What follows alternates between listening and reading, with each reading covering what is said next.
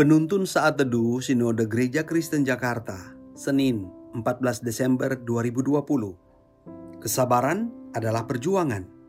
Amsal 16 ayat 32. Orang yang sabar melebihi seorang pahlawan. Orang yang menguasai dirinya melebihi orang yang merebut kota. Ada pepatah yang berbunyi, musuh terbesar adalah dirimu sendiri. Ya, Alexander Agung adalah seorang pejuang besar yang telah dicatat sejarah. Meski demikian, kebesaran Alexander Agung tak diimbangi dengan penguasaan diri yang baik. Ia sering tak sabar dan selalu ingin cepat-cepat untuk merebut kota atau kerajaan lain di saat keletihan sedang menggerogoti tubuhnya. Sungguh menyedihkan, bukan? Saudara-saudari, semua orang ingin menjadi pahlawan, namun tidak semua orang bisa mencapainya. Tetapi jika Alkitab mencatat bahwa ada orang yang bisa melebihi kehebatan seorang pahlawan, atau bahkan melebihi orang yang berhasil merebut sebuah kota, berarti ada sesuatu yang sangat penting yang harus kita miliki dalam diri kita. Hal itu adalah kesabaran.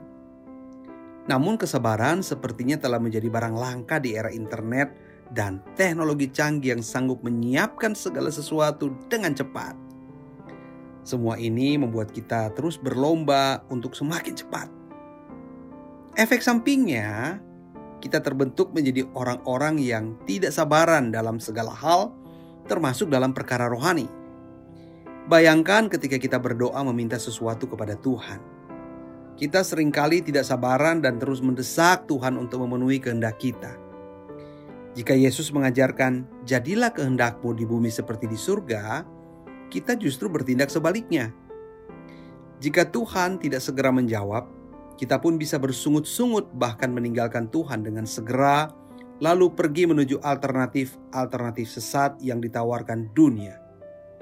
Begitu tidak sabarnya manusia sehingga hidup pun tidak lagi bisa nyaman karena kita terus saja dikejar-kejar waktu. Nas hari ini mengajarkan sesuatu yang sangat penting kepada kita Ya, kesabaran itu memegang peranan yang sangat penting dalam kehidupan iman kita. Begitu penting hingga dikatakan bahwa orang yang sabar itu akan melebihi seorang pahlawan sekalipun. Orang yang mampu menguasai dirinya akan lebih besar dari orang yang mampu merebut sebuah kota. Hidup di dunia yang menuntut serba cepat membuat kita sering melupakan firman Tuhan yang menekankan kesabaran terhadap segala sesuatu. Sabar menderita, sabar menghadapi fitnaan, sabar menghadapi pandemi COVID-19, dan termasuk sabar menunggu datangnya pertolongan Tuhan. Inilah yang terus menumbuhkan iman kita.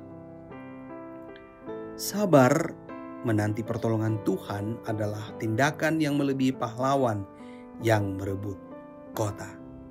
Tuhan Yesus memberkati.